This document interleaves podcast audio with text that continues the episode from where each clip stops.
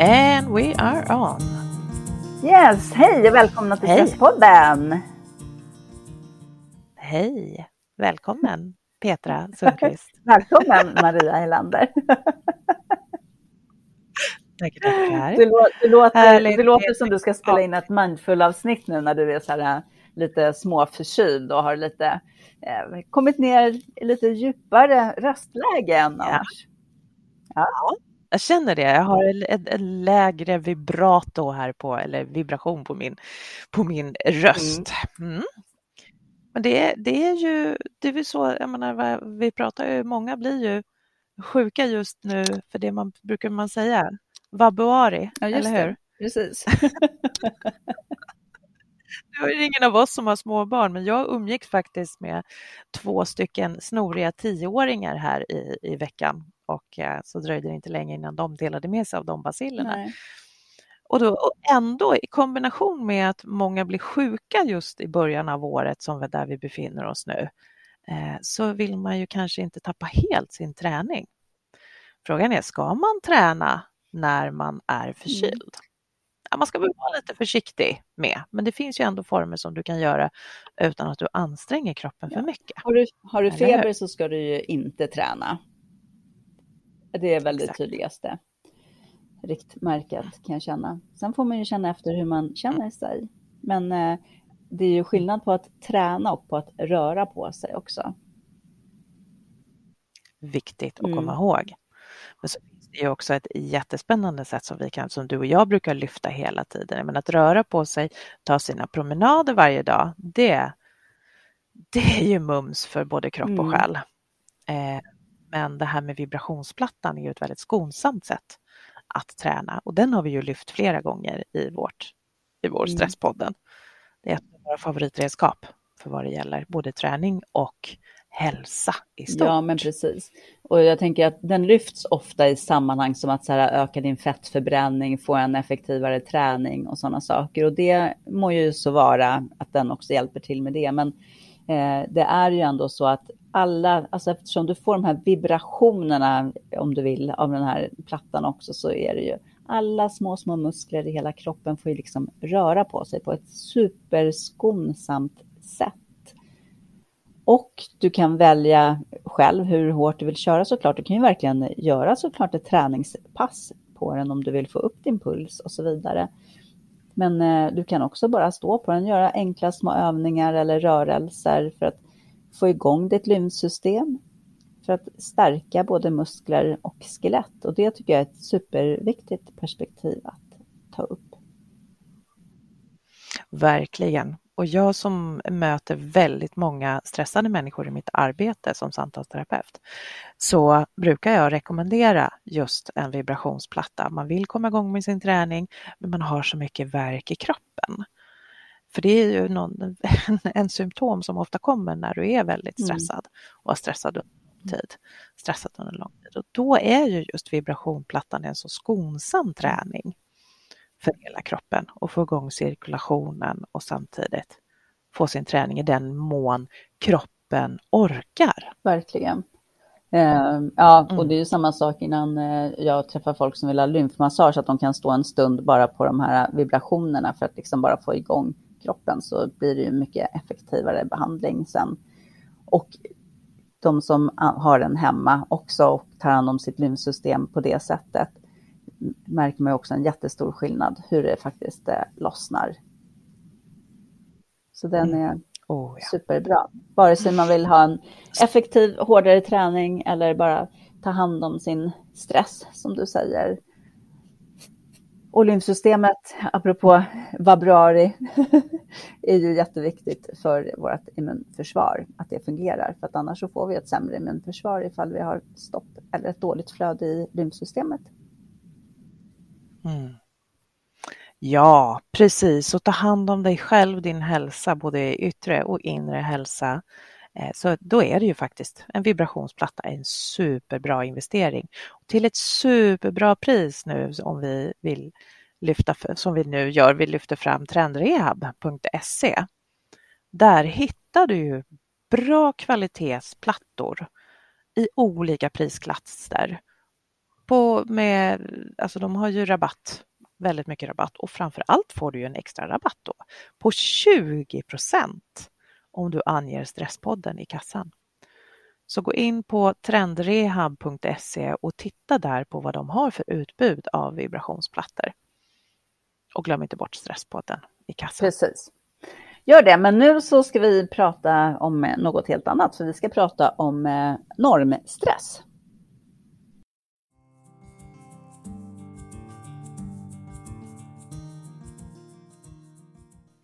Yes, vi kanske ska börja med att förklara vad vi menar med normstress. Tänker jag. Vad tänker du? Men eh, den här stressen som blir att befinna sig utanför det som är eh, normen, kanske både i samhället men också på den plats där du befinner dig. För norm, normer har vi ju överallt. Och vi kan ha vissa normer som gäller på arbetsplatsen, i gruppen och i samhället i stort. Så att, eh, och att då vara utanför den normen som, som är på det stället där du befinner dig i, det kan ju bli en, eh, en känsla av stress som är större eller mindre och som man ska försöka förhålla sig till, vilket kan vara skitjobbigt helt enkelt. Och jag tror faktiskt att just, ja det, det har väl alltid i alla, alla tider så har det varit att vi har haft en norm var vi än har befunnit oss och försöka förhålla sig till. För att bli accepterad och få bli integrerad i ett samhälle, i en kultur eller vad det än är.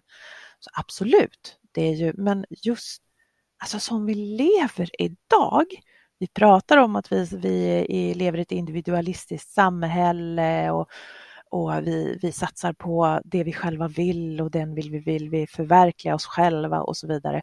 Och så samtidigt så har vi så mycket normer. Så mycket skam skulle man kunna säga om man inte befinner sig inom de här fyra ramarna. Mm. Eller säger man inte? Fyra väggarna? Ramen? Jag vet inte. inom den rådande normen. Tackar. Sen om det är en eh, box eller en cylinder eller vad det är, det kan vi ju kan låta vara osagt. Ja. Nej. Mm. Precis. Mm. Nej, men. Och ja. om man ser det i ett större perspektiv så är det ju ett, eh, en mycket större grej idag än eh, vad det har varit, inte så himla många årtionden bakåt. Tänker på hur många verkligen lever och förhåller sig, inte minst i sociala medier idag. Eh, där man har många människor eh, i det nätverket. Och många tänker på vad de lägger upp, vad de skriver, hur de uttrycker sig eller om de inte har lagt upp. Och det här är ju ett eh, jätteproblem för många och jag har mött många, framförallt yngre personer som känner att de ibland behöver göra någonting som ska passa att lägga upp på sociala medier och att det blir drivkraften snarare än det som man behöver göra den här lördagen eller helgen eller vad det nu handlar om. Och då har du en väldigt stor grupp som du tänker att du ska förhålla dig till hela tiden. Och det är extremt stressande för väldigt många. Det är helt galet när vi tänker på det helt galet att det ska behöva vara det. Mm. Eh, för, och jag tror också att det har ökat väldigt mycket, inte bara på grund av sociala medier eh, och det här som du säger att du ska förhålla dig till en grupp och vad de, deras bedömning och hur många likes du får och så vidare. Men jag tänker också att vi har idag så mycket vi har idag så mycket mer ansvar, vi människor alltså bara backa bandet 40 år så var det inte så att du behövde eh, välja vilket telefonbolag du skulle ha, att du skulle välja vilken diet du skulle äta för din hälsas skull eller liknande. Eller, eh, eller att det fanns inte så många olika val.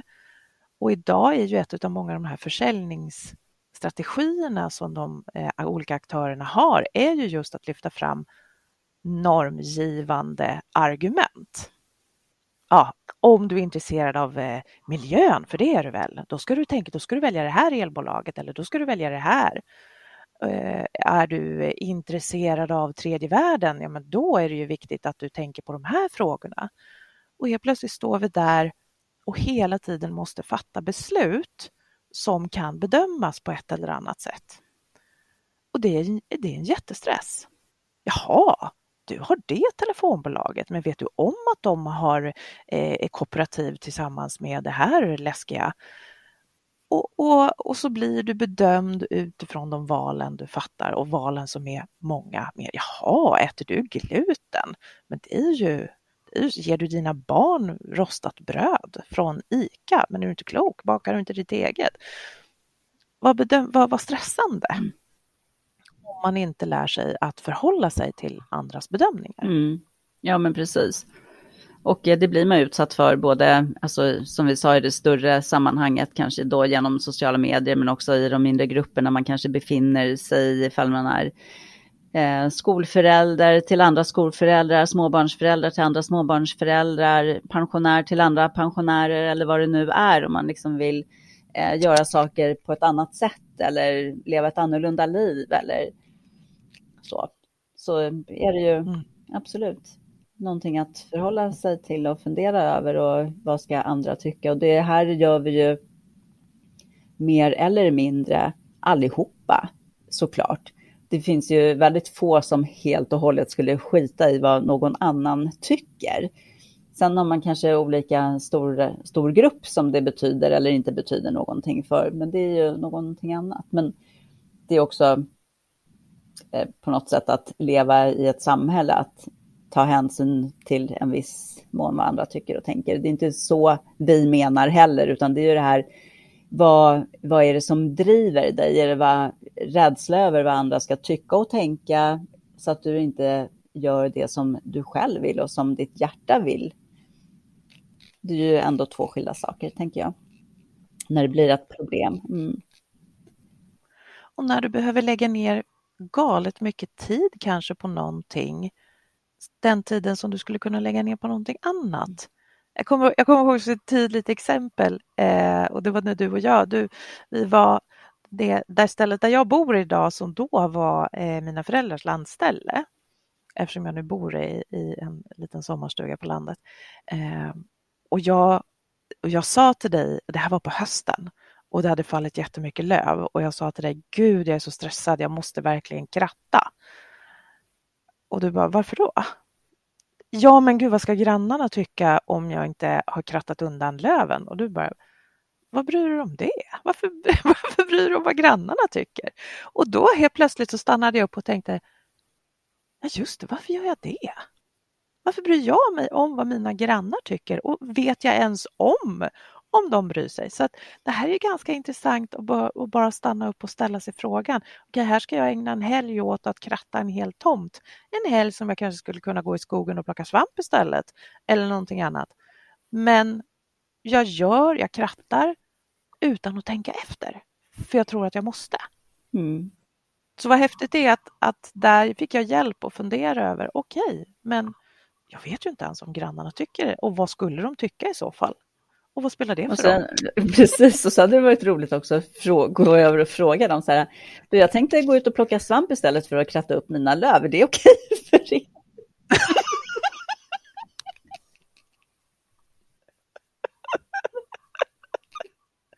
Går runt till alla grannar och med ett litet frågeformulär. Hej! Jag vill bara veta vad du tycker om. Ja. ja. Mm. Är det jätte, jätteabsurt när man tänker på det, när man vänder på det på det sättet. Ja, men precis. Och sen så undrar jag också ifall eh, just det här med att bo på det sättet och ha granne som liksom kan eh, kika in på ens egna tomt och sånt, ifall det bryr jag mig själv om hur långt grannens gräs är eller någonting. Är det det som gör att jag känner mig pressad eller är det någonting annat? Alltså för vad har jag själv för syn på min grannes tomt till exempel och varför mm. har jag det? Äh, jag vet inte. Eh, men eh, jag tänkte bara så här, du brydde dig ju inte om ifall om dina grannar skulle ha löv på tomten.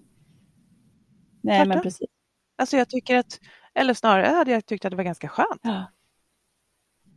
Tänker jag. Jag menar, det är som när man kommer hem till, till någon eh, som har, jag kommer ihåg min första pojkvän som jag hade när jag var 17 år. Han, han, hem, att komma hem till hans föräldrar, det var så otroligt befriande.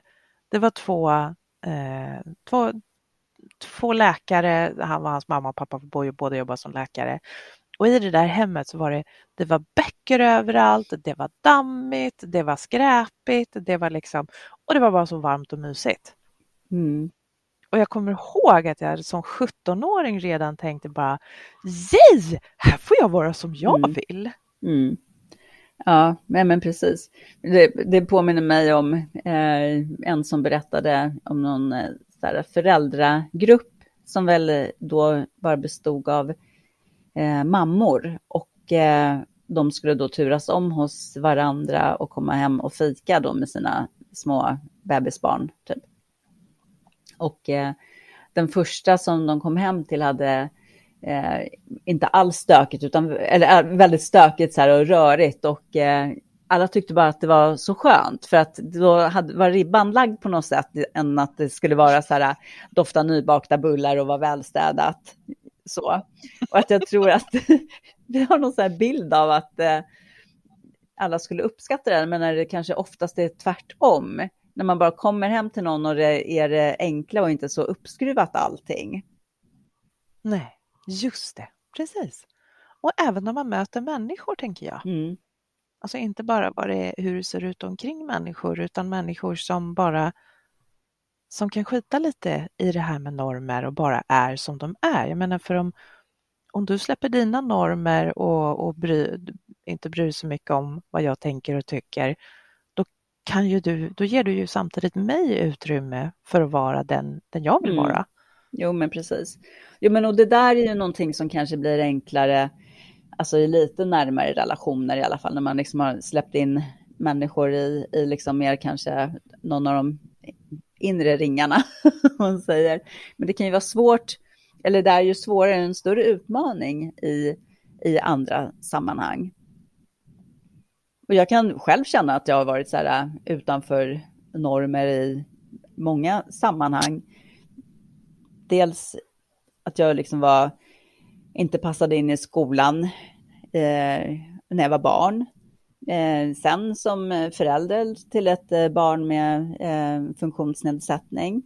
Eh, sen som eh, homosexuell. Sen som att plugga som Eh, mycket äldre, att komma till eh, eh, praktikplatser och vara så här 50 plus och inte ha någon erfarenhet av inom yrket tidigare utan bara helt ha bytt bana på något sätt i livet.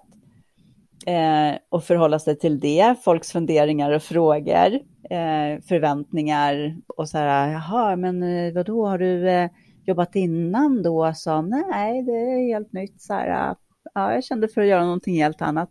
Aha, aha, alltså och en del kan ju tycka att det är positivt att man aldrig slutar göra det som man känner att man vill göra. Men det här är ju ändå saker som jag ska förhålla mig till hela tiden. Folks funderingar. Eh, när jag har en ny handledare som ska fylla i något papper, ser personnumret och bara, aha, alltså, ja men alltså det, det är hela tiden. Och det är, även om jag förhåller mig till det så det tar jag min energi och det är stressande att hela tiden så här, eh, ja, bara att förhålla sig, att behöva förhålla sig är energikrävande. Att behöva förhålla sig när eh, folk frågar om hur man lever och eh, gift och tar för givet att man har en man och så vidare. Det är också så här, alla sammanhang är inte bekvämt att svara på frågan eller så här att rätta till frågan, vad det än handlar om. Och det, det är skönt att vara i sammanhang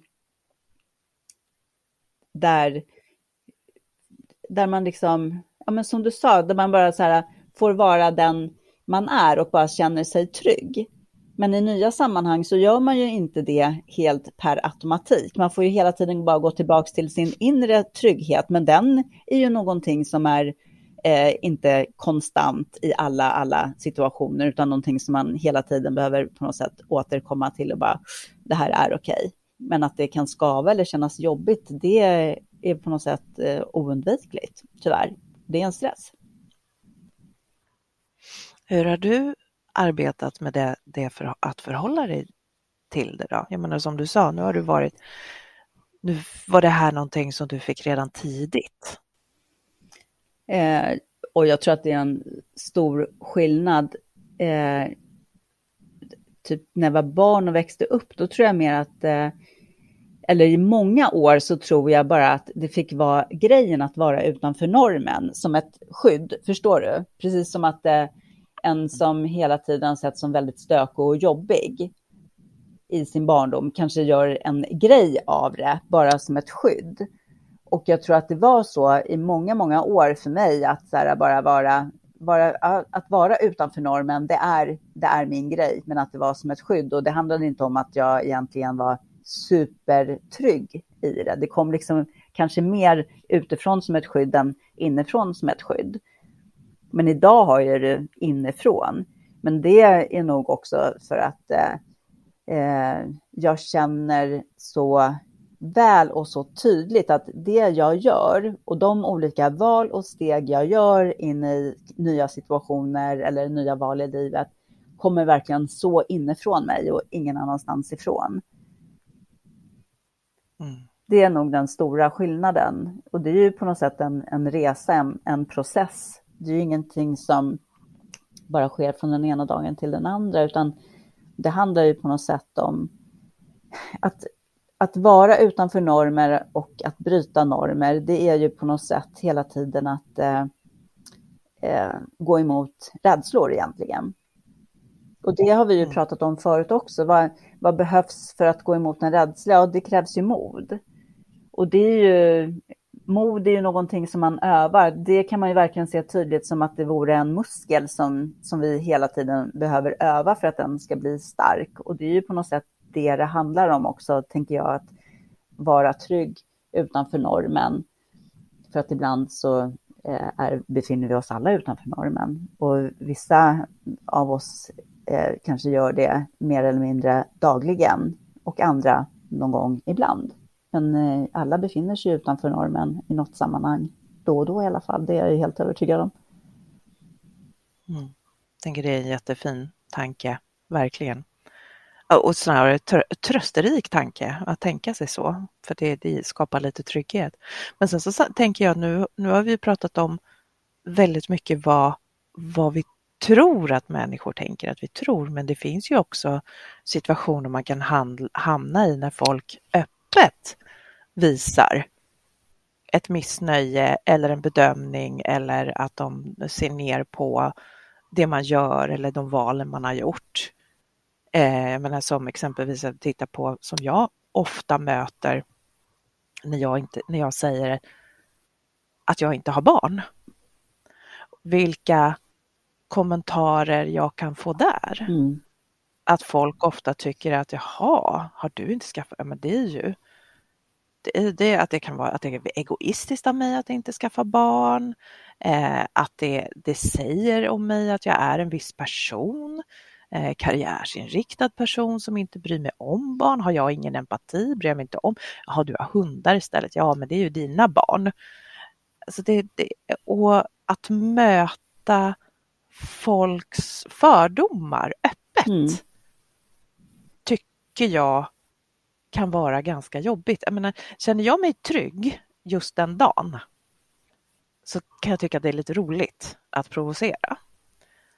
Men jag är, befinner jag mig på sårbart ställe så, så, så är det ju smärtsamt. Mm. Ja, självklart, det fattar jag också. Sen tänker jag också att det säkert finns de som inte säger någonting och bara, åh, stackars henne, hon kunde nog inte få barn och bara gör det antagandet också.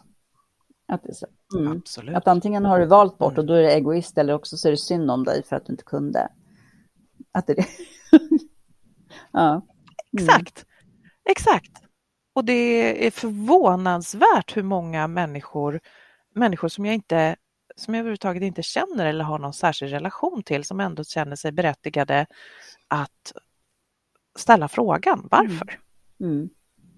Och det, det tycker jag det, det tycker inte jag att man, man har den rätten att ställa en sån fråga. Det är, ingen, det är inga hemligheter, absolut inte. Men det är ingenting som jag delar med, med världen. Eller jag har, inte, jag har valt att inte dela det med världen. Mm. Eh, men men det, det är tufft det där när, det är, när man inte bara tror och misstänker att människor har ett bedömande utan man faktiskt får möta bedömandet. Och här är det ju också som sagt den här som du, jag kopplar tillbaka till det till, som du säger, när jag har beslutet inifrån. Mm. Det, här, det, här är min, det här är viktigt för mig, det här är min drivkraft oavsett vad det gäller. Att skaffa barn, att välja att vara kär i en människa. Eh, att, att, att välja ett, ett levnadssätt eller liknande. Jag tycker att det här är viktigt för mig. Och jag behöver inte försvara det för att det viktigaste är att det är viktigt för mig. Mm. Ja, nej, men eh, absolut. Mm. Så är det. Jag tänker också, eh, ja, men det, som, eh, det som du och jag delar mycket liksom kring det, det andliga perspektivet och att vara i sammanhang med människor som inte alls har det perspektivet utan också kanske hånar eh, det som då vi kallar, vad jag väljer att benämna för andligt. Att eh, det blir ju, det blir ju också, där, där kan man ju liksom själv göra ett val, men det blir ju som att man kanske inte väljer att dela med sig av av allting i vissa sammanhang för att man känner att man eh, inte tillhör normen eller ska bli värderad utifrån och då kanske man faktiskt väljer bort det för att man inte för att det är, är en stress att alltid i sammanhang stå upp för någonting eller uttrycka eh, ja, det som är viktigt för en själv och så vidare. Men det blir ju också att man kanske det, det, blir inte de människor som man väljer att kanske hålla närmare heller. För att man behöver ju på något sätt eh, i sin... Ja, men där, man, alla behöver ju en plattform, en plats med människor där man känner sig trygg, där man får vara den man är fullt ut utan att behöva förklara, känna ett behov av försvara eller någonting som blir, för det är ju den platsen som blir stressfri och det är med de människorna som liksom man inte upplever någon stress. För den finns ju där annars. Mm. Exakt. Och där tänker jag att det är så viktigt att komma ihåg att du behöver egentligen inte försvara dina val. Nej. Och du har, du har, det, det är ingenting som säger att även om människor omkring dig i din omgivning ifrågasätter det, dina val, dina beslut eller liknande så, så egentligen kom ihåg det, du behöver inte försvara det, du behöver inte ge argument för det. Det räcker alltid med att säga det här är viktigt för mig. Det här är mitt val. Eller det känns rätt. Och sen kan man bara sätta punkt. Du behöver inte gå in i en diskussion med andra människor om varför du har valt att leva ditt liv som du har gjort. Nej, nej det behöver man ju absolut inte, det håller jag med dig om. Men stressen kan ju vara när människor gör antaganden om att det ska se ut på ett speciellt sätt. Eh, och jag tänker så här, du kanske har eh, valt att, eh, valt, till exempel valt att skaffa barn själv. Du kanske har valt att skaffa barn med en annan kvinna. Och eh, människor runt omkring och inte bara så här, också från myndigheter och allting förutsätter att det liksom ska finnas en pappa på olika sätt. Alltså det är ju så här, det är någonting som du inte kommer ifrån när de här, eh, när du möter det här hela tiden. Och ibland så känslan av bara uppgivenhet och trötthet kan ju faktiskt dyka upp på många sätt. Eller det kanske är eh, ja, men sammanhang. Det handlar verkligen, det handlar liksom om, om så otroligt många saker. Och eh, det finns vissa normer som kan vara bra för att det kan fungera som eh, bara regler för hur vi är mot varandra. Men det finns så otroligt många normer som eh, sätter upp hinder för hur vi ska vara och hur vi ska leva och vem vi ska vara och som är väldigt stereotypt, eh, åldersfixerat och så vidare. Utseendefixerat. Kroppsfixerat. Verkligen. Mm. Mm. Så att, eh, ja. Oh, ja. Och det, och alltså det här ämnet är ju så enormt. Vi skulle, det, det, vi skulle kunna hålla på och prata om hur länge som helst i det för att jag tror du som lyssnar också känner igen dig i det mycket. Ja. Oavsett om du tycker att du är frånkopplad från de här och normativa och tycker att du är bra på så, så finns det i allt. Mm. Så finns det normer. Precis. Eh, vi, har ju, vi har ju tidigare spelat in avsnitt som handlar till exempel om skam eh, och eh, om olika avsnitt om kroppen och kropps, kroppshets och sådana saker. Så att gå gärna tillbaks och lyssna på dem ifall du vill ja, men grotta ner i, eller att lyssna på hur vi har grottat ner oss lite djupare kanske i något av de ämnena. För jag tänker att det kanske börjar bli dags för oss att avrunda lite och skicka med er som lyssnar några tips, kanske i alla fall på hur man kan börja att sänka den här stressen som vi har valt att kalla för normstress. Mm, exakt. Och då tänker jag det är ett av de första vi som är ganska viktigt för din egen skull att faktiskt titta på, titta på skammen. För det är ju oftast det som ligger i bakgrunden där. Precis som vi sa, vi har pratat om ett avsnitt om skam tidigare, men att titta på den, vad är det, okej okay, om nu mina grannar tänker så här att jag inte har krattat, vad är det, vad är det som gör ont i det? Att de tycker, ja, att jag är slarvig. Och vad är det som gör ont i det? Om mina grannar tycker det, är det säger det någonting om mig som människa? Hur är en slarvig person? Okej, okay, det definierar mig och hur känns det? Så titta på, våga titta på den, våga titta på din sårbarhet i det, det smärtan och möta den. För oftast är det så att går vi in i skammen, möter den, så har den en förmåga att krympa. Mm. Så ge dig själv det. Verkligen. Som ett tips. Mm.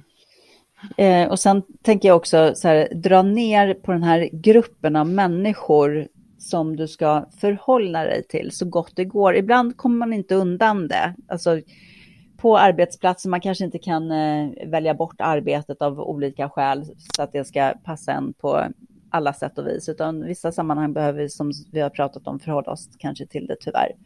Men eh, de människorna som betyder någonting för dig, tänk på dem istället och så här, är det här viktigt för mig och hur skulle de här, den här lilla gruppen människor, hur tänker de om det här och hur möter de det här? Inte vad den här stora massan tycker och tänker, utan minska ner på din grupp. Se på de som finns och har plats i ditt hjärta. Det är faktiskt de som är, är viktiga och det är det enda som du på något sätt dig själv och dem möjligen då som du ska förhålla dig till, inte något annat. Och de som finns i ditt hjärta, de kommer att finnas där ha dig i sitt hjärta precis som du är. Liksom. Ja, och då när du, när du säger det här med, med gruppen, ja, då är det ju även att vi kommer in på tredje tipset tycker jag. Vad är det som är viktigt? Och vem är det som är viktig? Det är det som får bli din drivkraft. Det är ju ändå det som kommer att få dig att må bäst. När det här kom, när det kommer inifrån. Mm. Så titta på de delarna i ditt liv. Vad är viktigt? Vad vill jag ska vara min drivkraft? Vem är viktig för mig? Ja, och en av de som är viktig för dig, det är ju faktiskt du själv. Och påminn dig om det mm. varje dag, tänker jag. Mm. Yes, bra avslutningsord. ja, Lovely. Tack för att ni har, ni har lyssnat på oss. Vi eh, hörs snart igen med nya avsnitt. Ja, följ oss på Instagram och Facebook och hör gärna av er till info stresspodden.nu. Ha det så bra hörni så hörs vi snart igen. Hej då! Hej då!